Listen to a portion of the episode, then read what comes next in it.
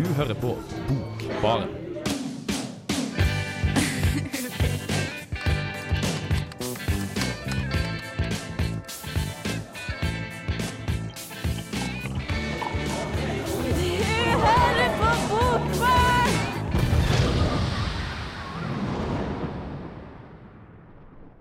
Hei og hjertelig velkommen skal dere være, kjære lyttere, til årets første sending av Bokbarn. Vi er veldig glade for å være her i dag, og mitt navn er Ingrid Kveim Skarholt, og jeg er programleder. Og med meg i studio så har jeg foreløpig bare én, men det kommer en til veldig snart. Hun sitter bare og er litt sånn stressa, har ikke kommet helt i gang med, med radioen igjen. Men eh, ja, Kristoffer, du er med meg nå. Mm, jeg stiller mannsterk, eller én mann sterk. Mm. Det gjør du. Så jeg er med en bok som heter 'Vareopptelling' av Ellen Loe. som jeg hadde med sist gang også. Ikke sist gang, men sist gang jeg hadde med ei bok, da hadde jeg med L. Som også Ja, er av samme forfatter. Hva har Men- du med deg i dag? Ja, hva jeg har med meg? Jeg Ja. har med meg en eh, gammel klassiker som jeg fant på hytta da jeg feira jul der i år. Så lette jeg litt i det gamle biblioteket, eller ja, bokhylla vi har der. Eh, Og da fant jeg Cora Sandels 'Alberte og Jakob', som er første boka, trilogien om Alberte. Så den har jeg prøvd å finne noe som er aktuelt fortsatt i vår tid, da. Finne noe, finne noe eh, Hva heter det? Forever. Ja da.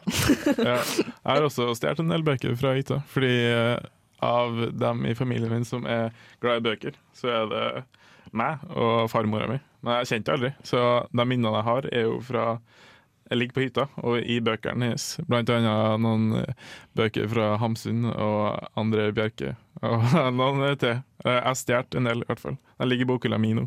Ja, litt sånn var det på oss også da vi skulle fordele hvilke bøker som skulle på hytta av eh, bestemor og bestefars bøker. Så var det også noen bøker som skulle andre steder, og de grabba jeg til meg. da. Mm, lurt. Mm, veldig lurt. Veldig lurt. Ja, Og det er veldig hyggelig også. Og ja, da, kan, plutselig så står det en og annen kommentar fra bestemor eller bestefar der, og kanskje jeg er enig, eller kanskje jeg ikke hadde tenkt på det. Jeg vet ikke. Det er spennende å se at man lever litt gjennom bøkene. Ja, det har ikke skjedd, men uh, farmoren min var veldig flink til å skrive sånne bildebøker. Det burde jeg egentlig hatt med på bokbarn en gang. Ja, men det kan du absolutt. Oh, yes. Mange muligheter der, som sagt. Første, første sending, bare. Vi Ja. gleder oss. Jeg gleder meg veldig til å komme i gang. Jeg savna, savna radioen. Savna Ja. bøker. ja. Mm, mm, mm, mm. Men eh, og Maren, hun skal ha med seg Skal hun få presentere seg selv når hun kommer, eller tenker du at vi skal ta det nå?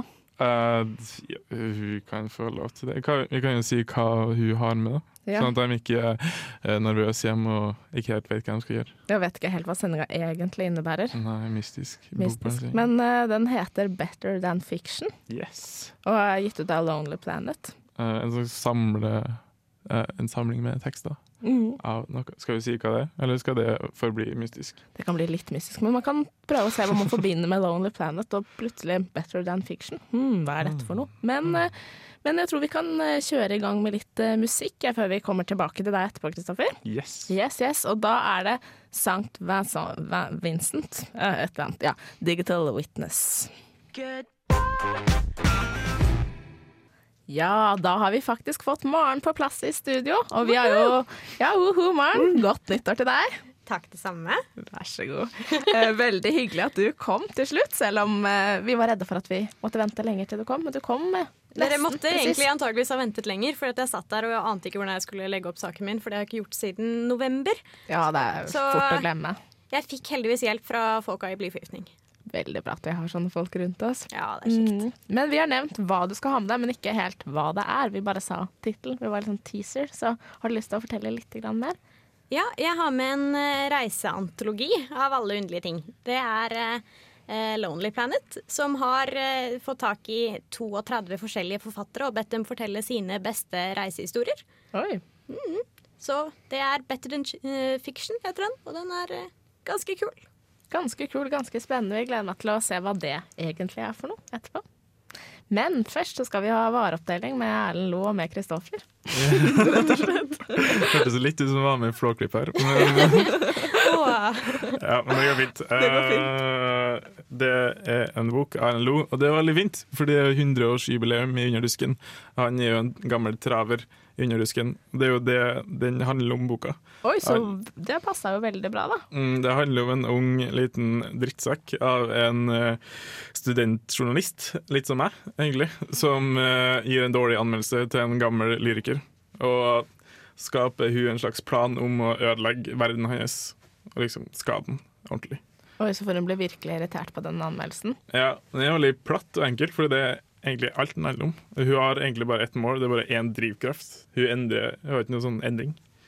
Nei, så hun er bare veldig klar hele tiden på hva hun skal gjøre. Ja, bare sånn ekte hat mot Ekte hat. eh, Universitats, som er- er studentavisa i Oslo. Men uh, du snakket om, og det skal vi sikkert komme tilbake til etter vi har hørt på saken din, men at det er sikkert lettere, eller at Erlend Lo kanskje nå føler litt mer medfølelse med forfattere i forhold til hva han gjorde da han skrev i Studentavisa og var sterk kritiker av mye, at det er ikke så hyggelig og gøy å få en litt kjip anmeldelse, kanskje. Nei, det er litt vanskelig å gi eh, en anmeldelse uten å være for ydmyk. Fordi Nei. han konkluderer Jeg leste i et intervju at han konkluderte med at du må skape noe for å eh, kommentere noe. Det blir litt sånn dumt, det også, føler jeg. Ekkelt. Ja. Enn dere? Hva føler dere? Føler dere at dere ikke har noe å si fordi dere ikke har laga noe stort og vakkert?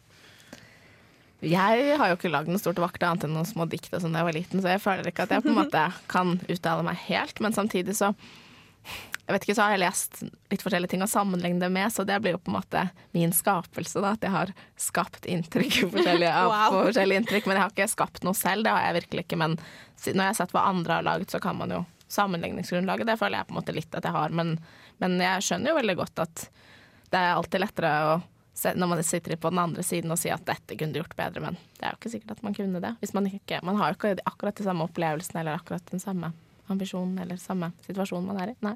Nei. Så det er ikke så lett. Eh, ja. Nei, jeg vet ikke nøyaktig om alt dette med å lage ting og sånn, men i det siste jeg benytter dette til en anledning til å snakke om uh, De håpefulle av Nicolai Houm, som er min nye favorittbok. Takk for meg. uh, der uh, en av hovedpersonene får boken sin anmeldt av en ung fyr i tja, Morgenbladet. Og jeg får, har etter hvert fått inntrykk av at det er en utrolig sånn et nag alle forfattere bærer til unge studentanmeldere. Og i og med at jeg er en evig fangirl, så blir jeg sånn å nei, alle forfattere må hate meg. Jeg jobber i Bokbarn. Nei! men, men. Sånn er det nå en gang. Ja, jeg gleder meg i hvert fall til å høre mer hva du har å si om boka etterpå, og også i saken din, først og fremst, som kommer nå etter uh, musikken vi skal spille. Så da får vi gjø- sa- kanskje snakke enda mer om, om dette her. Ja, Eh, men da skal vi sette i gang med Spider-Go, da, og med Empty Rooms. Eh, Ja, jeg heter Dag Solstad, og dere hører nå på Bokbaren, og der er altså jeg. Nina Faber har vært lenge i lyrikksirkuset, men en dag får hun nok av rimelefanter og pentameterklovner. Hun drar til Istanbul. Det har blitt snakk om vin og menn og andre skumle saker. Uansett hva grunnen er, så har hun kommet tilbake til Oslo. Med seg har hun Bosporos, hennes siste diktsamling. Det er her hvor Erlend Loes vareopptelling starter. Vareopptelling er delt inn i åtte etapper, eller kapitler, som andre folk kaller dem. I de åtte etappene følger vi Nina Faber, der hun går fra akademiker i Blindern hennes gamle psykolog, sønnen og universitas lokale. All gåinga blir starta av en dårlig anmeldelse av en ung journalist, studentavisa Universitas. Nina Faber er lei av å bli tråkka på. Hun skal ta hevn. Selve karakteren viser ikke noe endring. Drives på hat, hat og hat. Gjør mye av historien veldig platt og ensforma. Erlend Loe skriver morsomme bøker, fordi ellers blir det vanskelig å skrive dem. Men han har noe han vil si. Og fra hva jeg har forstått, så kan det oppsummeres i to setninger. Ikke ta kultur for gitt. Vær så snill. Det er ikke en veldig konstruktiv kritikk mot litteraturvitere eller andre vitere. Vareopptelling tar ikke noe oppgjør. Det er stort sett bare en tafatt historie om en sliten lyriker. Erlend Lo er litt som en hund som har blitt senil. Det er vanskelig å være sint på han hvis han tisser på teppet. Vareopptelling har noen gode kvaliteter, men de kvalitetene finner man bedre i Doppler, Naiv Super. Det finnes en historie bak boka. I perioden 1991 til 1992 var Erlend Lo kulturjournalist i Underdusken, studentavisa i Trondheim. Det han gjorde, var å anmelde bøker, filmer, teater og musikk. Noen koselige intervjuer med forfattere. Han skrev saker som skulle ha skrives om. På slutten av vareopptellingen finner Nina Faber journalisten som har skrevet anmeldelsen hennes. Og han er en selvgod liten dritt, med for mye selvtillit for sitt eget beste. Vareopptellingen kanskje botemiddelet til Lo. En liten unnskyldning til dem han er såra. Selv om Paul Auster mister lite nattesøvn for anmeldelsene han hadde i Underdusken. Jeg har vel travelt med å kose ømt med pengepungen i sofakroken. For meg så spiller det en liten rolle hva Erlend Lo kommer opp med framover. Han har et rikt og variert forfatterskap bak seg, selv om vareopptelling er en brodd i et ellers storlest forfatterskap. Kanskje best på Lo hvis han senker skuldrene gjør en lang F i alle andre.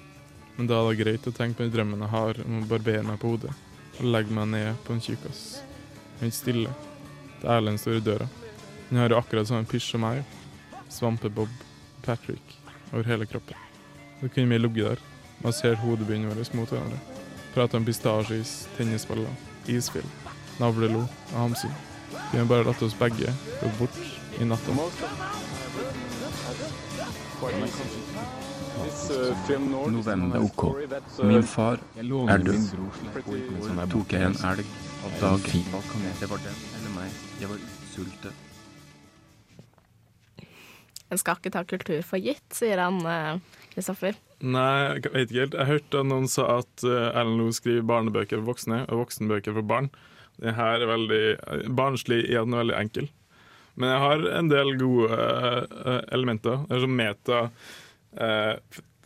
ting. Jeg vet ikke hva jeg skal kalle meta-greie. At man vet ikke helt om han har en mening bak det som jeg ikke ser. Det er veldig irriterende. Ja, Du føler at du kjenner veldig på det at det er kanskje noe mer der som du ikke greier helt å gripe tak i? Ja, eller jeg vet ikke helt. Det er veldig irriterende i hvert fall. Irriterende bok. Men det er vel egentlig litt Erlend Lo. Jeg husker Da jeg leste Funk, så tenkte jeg sånn Å nei, jeg er for dum for denne boken, rett og slett. Ja, og når jeg leste så tror jeg jeg laga noe sånn syke eh, om Gud og om store ting og små ting. Og så ja, ga det mening uten at jeg sa det til andre. Og da tror ikke jeg ga så god stor mening. Jeg Er det mulig at vi prøver å lese mer inn i dette, og at Erlend Lo sitter et eller annet sted og kniser for seg selv og bare ha-ha, studentene tror det betyr noe mer!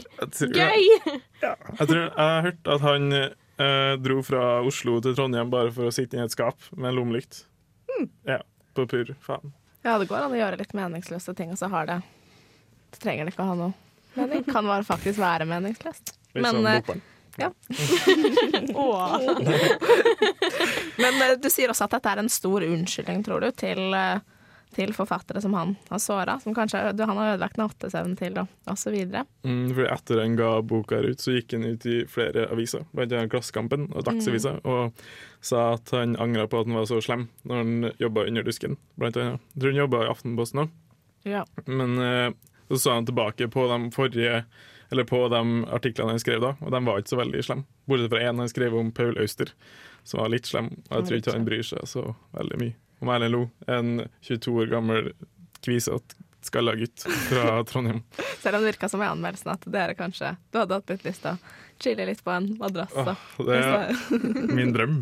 Din drøm. Mm. Så, men han har jo mange andre bøker som du har likt bedre enn denne her. Ja, jeg syns det er veldig enkel og rett fram. Litt for enkel og litt Ja, for statisk hovedkarakter, som du snakket om også. Ja, det Er er det- vel egentlig flere av bøkene hennes, når jeg tenker på det. Men uh, kanskje litt mer fargerikt, dem, da. Ja, At hun er hat, hat, hat er det hun drives av. Ja, syns det var litt eh, enkelt. Men samtidig så er jo det virkelig et tegn på at han kanskje syns at Eller skjønner godt at anmeldere blir litt skuffa, da, og at de bare ikke De greier ikke å se større, et større bilde. De er bare hat, hat, hat. Ja. Ja, Nei, ikke anmeldere, men forfattere, mener jeg. At de føler hat mot anmelderne. Greier ikke å se en annen side av saken.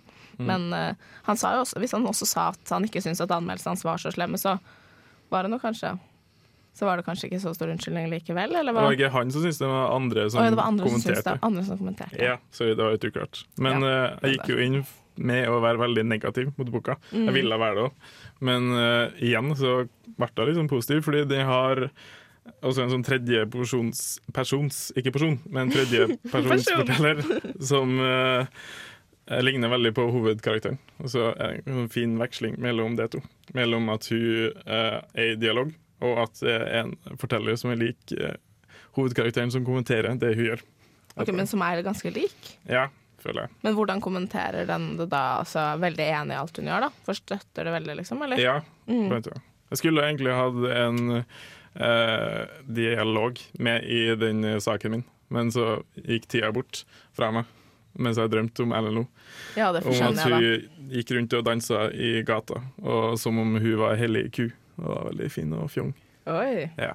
Så det blir hun rett og slett for de som leser denne boka, for får med seg de dialogene, de der, kanskje. Hvis du, ja, hvis Hvis du gjør det. Gjør det. Ellers så gleder jeg meg til eh, dansescenen i filmen. Han skal jo lage film av den, er vel planen. Skal han Så Oi! Ja, han hadde opplesning i fjor der han vekslet mellom å lese fra romanmanuset og filmmanuset, for han drev og jobbet med dem simultant. Så jeg tror at eh, det kan bli ganske kult. Ja, kanskje. Det tror jeg også at det kan bli. At den skal ha en TV-serie med noen to andre kjekke gutter. Det er Kampen om tilværelsen, som ikke er Farmen, men som handler om forskjellige gode karakterer. Faktisk til Nettopp. På en annen måte. Mm. Ja, det blir spennende å se hva som skjer med denne vareopptellinga videre. Eh, men eh, vi skal jo, jeg har også med meg noe i dag, nemlig en klassiker som jeg nevnte innledningsvis. Um, Alberte og Jakob. Som ikke er, ja, den er ikke like ny som som Kristoffers uh, bok, men uh, jeg har prøvd å finne om det er noe i denne boka som, som fortsatt vi i dag kan ta til oss. At, det ikke bare er, eh, at vi ikke bare skal bruke det til å forstå fortiden, men også noe som lever evig, da. Eh, men den anmeldelsen, det får dere etter eh, Julet begynne med Prism Song. Hei, dette er Jostein Gaarder. Du hører på Bokbaren i Radio Revolt. Hun lengter også efter at han skal tale til henne, som av og til da hun var mindre. Han talte om stjernene og viste henne dem, nevnte rommets bunnløse dyp og en gud. Merkeligere og mer dragende enn skolens og kirkens. En gud som var ett med skapningen, en flamme som brant dulgt i alle ting. Det ble så lett å ånde. Himmel og jord ble liksom luftet ut når pappa talte slik. Den gamle, strenge, nøyeregnende og straffende Gud, som holdt så skarpt øye med folk og ustanselig plukket på gjengjeldelse, skrumpet inn og ble borte. Liklukten, den uhyggelige eimen av kirkegård og smuldrende ben som hang ved døden. Hun kunne aldri riktig forlate seg selv på at sjelen svevet andre steder hen. Hvem visste det? Sett at den lå i jorden med det øvrige og kippet etter luft og ventet på dommedag. Tanken ga hete i tørrhet i ansiktet, som om kistlokket alt kremte. Håret reiste seg av angst. Tanken ga hete og tørrhet i ansiktet, som om kistelokket alt klemte. Håret reiste seg av angst. Ved pappas tale var det som om himmelens friske vind sopte uhyggen bort. Selv ble man til ingenting, til et pust, men et pust som ikke hadde noe å frykte. Men det er alt sammen lenge siden. Intet hender mer. Hun og pappa sier de samme ordene om igjen, som de har sagt utallige ganger. Forfatteren Sara Fabricus, kanskje mest kjent under pseudonymet Cora Sandel, har til tross for flere verk med status som europeisk banebrytende liten plass i den norske skolen. På det heldigste får hun kanskje skinne i underkant av 90 minutter. For mange var det første og siste møte. For andre vinner nysgjerrigheten over kjedsomheten. Lett. Og her kan Alberte-trilogien med Alberte og Jakob som første bind trekkes fram.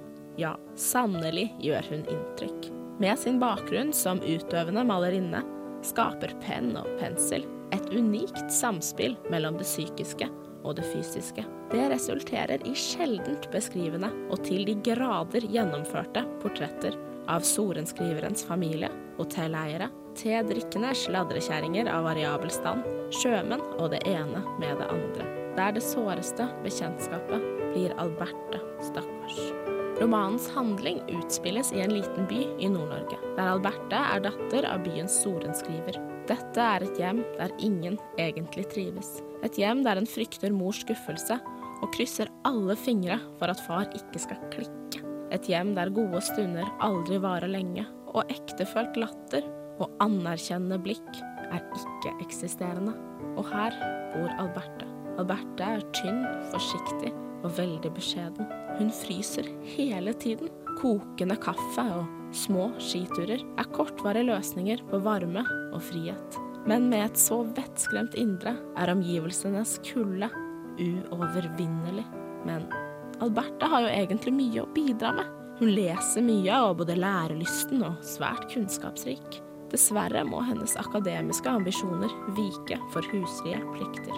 Ikke overraskende skal lillebroren Jakob representere familien på den akademiske arenaen. Dette går heller dårlig. Alberte stiller opp og hjelper han med hva det skal være. Forsømt skolearbeid så vel som økonomiske kriser. Men når skal hun egentlig leve selv? På det mest kritiske får vi lyst til å hoppe inn i boka og riste løs i jenta. Hvorfor sier du ingenting? Du som kan så mye. Ikke vær så tolerant. Ikke la andre herse med deg på den måten. Ja, går det virkelig an å være så tafatt? Så stakkarslig. Men på en annen side, og det skal virkelig sies her, omgivelsenes tillit til Alberte er heller Alberte og Jacob, Alberte-trilogien, er trolig ikke ukjent lesestoff for ivrige klassikerfantaster eller over middels litteraturinteresserte. Klasse- og kvinnekampen, som sårt trenger sine representanter, er allerede utkjempet og til dels vunnet. I hvert fall på noen punkter. Friheten og muligheten til å velge livsløp, uavhengig av rang og klasse, er nærmere nå enn før. Selvfølgelig så gjenstår det gradsforskjeller mellom oss som kanskje forsvinner med tiden. Men dette skal ikke bare gi oss en bedre innsikt i en tid vi ikke levde i, slik at vi kan forstå hvorfor menneskene tenkte og handlet som de gjorde. Ei heller alene lære oss å løfte blikket utenfor vår egen komfortsone. Nei, Cora Sandels roman rører ved noe av det såreste vi mennesker opplever, nemlig usikkerhet. Ja, da var det Alberte og Jakob eh, som har skrevet av Cora Sandel. Som eh, jeg ikke hadde lest noe av før, og det hørte jeg også at verken Maren eller Kristoffer har. Nei. Nei, det er liksom et sånt navn som man har hørt, men som man av en eller annen grunn ikke har liksom fått begynt med. Nei. Og det er det jeg også kjente på da jeg så romanen. Så visste jeg liksom at denne dama har jeg hørt om før, men jeg har ikke viet noe tid til henne, så kanskje jeg skulle bruke juleferien på det. Eh, Så det gjorde jeg, Eh, og denne boka likte jeg veldig godt, som man hører i anmeldelsen min. Eh, Og det jeg likte spesielt godt, var det som jeg sa ganske tidlig, at fordi hun har bakgrunn som maler, så er hun utrolig god til å virkelig skildre disse karakterene sine og virkelig binde sammen både det ytre med det indre. eh, Og man føler virkelig på eh, Sånn som Alberte, hun fryser hele tiden, hun er så usikker, og så føler seg så lite tilpass i det hjemmet hun er i. Eh, Og jeg kjente veldig på den kontrasten da jeg satt og hadde juleferie og var på hytta med mine nærmeste, holdt jeg på å si, og følte meg så trygg da, i forhold til denne jenta her som ikke har, ja, har noe sted hvor hun virkelig kan slappe av og bare være. Og nå i det siste har det også vært veldig kaldt ute, så da har jeg også fryst mye og følt litt på Alberte, da. men, eh, men hva var det jeg skulle si? Har dere Maren, du nevnte jo også Eller ja, vi snakket, det som er med Alberte, er jo det at leseren, som i mange bøker, får eh, virkelig høre hva hun tenker på, hva hun har å bidra med. Så man blir jo litt sånn som jeg også sa, at du kjenner virkelig på Kan du ikke bare si dette her, Alberte, du har så mye å bidra med. Og det er også noe som man ofte hører, at stille folk kanskje har mer å komme med enn det man først tror. Men så kan det også være at det blir en tanke som blir dyrka litt for mye, da. Sånn som Maren har nevnt. At, hva er det du har nevnt, Maren? Nei, altså for å starte på begynnelsen. Altså, da jeg eh, hørte deg begynne å snakke om denne boken, så fikk jeg med en gang assosiasjoner til den boken som har solgt veldig mye nå rett før jul, som heter 'Stille introvert styrke i en verden som aldri slutter å snakke'. Og jeg tenker at Det er jo en grunn til at en sånn bok blir bestselger. Det er veldig mange som lar seg fascinere av det introverte, og det har jo etter hvert liksom begynte å bli holdt opp som en slags eh, dyd i seg selv. Og da jeg gikk på ungdomsskolen, så hadde jeg en lærer som fortalte meg at de som snakket høyt, de hadde aldri noe å si. Og sånn skal det Ja, ikke være. Det er ikke aldri noe å si. Det er bare at man det finner skjulte skatter hos folk, men det betyr ikke at de som har noe å si Nei, de som sier noe, ikke har noe å si heller. Det er veldig dumt hvis man drar det helt til det nivået. Ja, sånn skal det ikke det ble være. liksom en akse der det var eh, brøyt, eh, brautende på den, på den ene siden og på en måte sanselig, intellektuell og avventende på den andre siden. Jeg bare, hva faen da?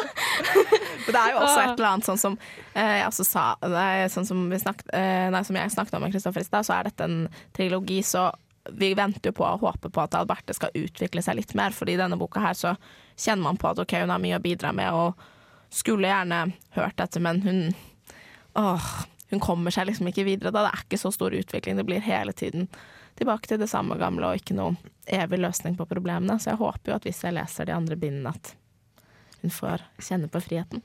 Mm, jeg følte jo litt på den usikkerheten når jeg var liten. Men nå er jeg stor og høy, så nå kan jeg sette meg med folk. Hvis jeg føler meg usikker. Så det er din uh... Det er uh, det du ville sagt til Al eh, Alberte. Sånn, Slapp av, spis mer, jenta mi, så kan du bare sette deg på den. Verdens beste novelle. Hvordan bli dritglad på veldig kort tid. høres litt Roald Dahlsk ut, faktisk. Ja. Mm. Så det Kristoffer han har gode råd, han. Eh, men eh, vi får se om vi tar med oss dem, eller om vi tar med oss eh, Kanskje vi tolker det på forskjellige måter. Kristoffer tolka det spennende. Det er bra å ha litt ulike vinklinger på det. Men eh, vi skal høre mer på Maren senere, vi. Lonely Planet. Jeg gleder meg til det. Men før det så skal vi høre på Charlotte eh, Gainsborough med Hey Joe. Så vi er eh, bokbarn i Radio Revolt. Gleder oss til, å, til dere skal høre mer på oss etterpå. Og håper dere gleder dere, dere òg. Ja, da hørte vi på Alberta, eller da vi akkurat snakket ferdig med Alberta og Jakob, så tror jeg vi skal gå til eh, Maren og til reising. Ja, reising! Ja, for du er reiseklar snart, du, egentlig. Ja, jeg er det. Jeg reiser til New Zealand om to uker, så hurra. Hurra. Ja. Eh, Det er riktignok forsvinnende lite New Zealand i den boken jeg har lest. Men, ja, men det eh, er mange forskjellige andre steder. det er det. Eh, For de av dere som kommer inn i programmet midt i og ikke har fått med den spenstige introen, så kan jeg ta en kjapp oppsummering. Jeg har lest Better Than Fiction, som, har, eh, eh, som er en samling av historier fra forskjellige forfattere som har vært rundt omkring i hele verden og bare har skrevet ned hva slags steder de har vært og hva slags steder de har likt, eller eh, egentlig som regel heller hva de ikke har likt. Det er mye Ja. skummelt. Så er det ganske, men allikevel så får man lyst til å reise disse stedene, eller? Ja, absolutt. Fordi eh, altså I og med at de har kunnet skrive disse historiene, så er- kommer det kanskje ikke som et sjokk at de overlevde eh, de skumle ja, tingene. sant? Og alle skumle historier som ender med at man overlever, er jo som regel gode historier. Og gode historier vil man gjerne oppleve. Ja, og, vi, og det viser jo også at de virkelig tør å kanskje bli kjent med de landene de drar til, da, hvis de tør å utsette seg for litt fare. Ja, for det, det typiske er at em, det oppstår en skummel situasjon som de føler at de ikke har kontroll over, men det som til slutt redder dem, er den fabelaktige kulturen og de hyggelige menneskene. Så det som man sitter igjen med fremmest av alt, kanskje etter å ha lest denne boken, er at verden er et vakkert sted, og at mens menneskene stort sett er veldig hyggelige. Det hørtes jo veldig bra ut. Ja, fin bok.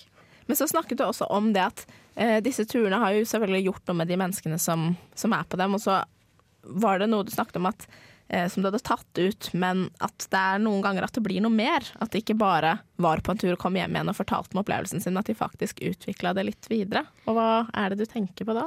Ja, altså Det er jo flere som har blitt veldig sterkt forandret av reisen sin selv. At de f.eks. har dratt i forbindelse med en depresjon og kommet hjem igjen med hallelujastemning. Det syns jeg på en måte ikke er så interessant. Men en av de tingene, tingene.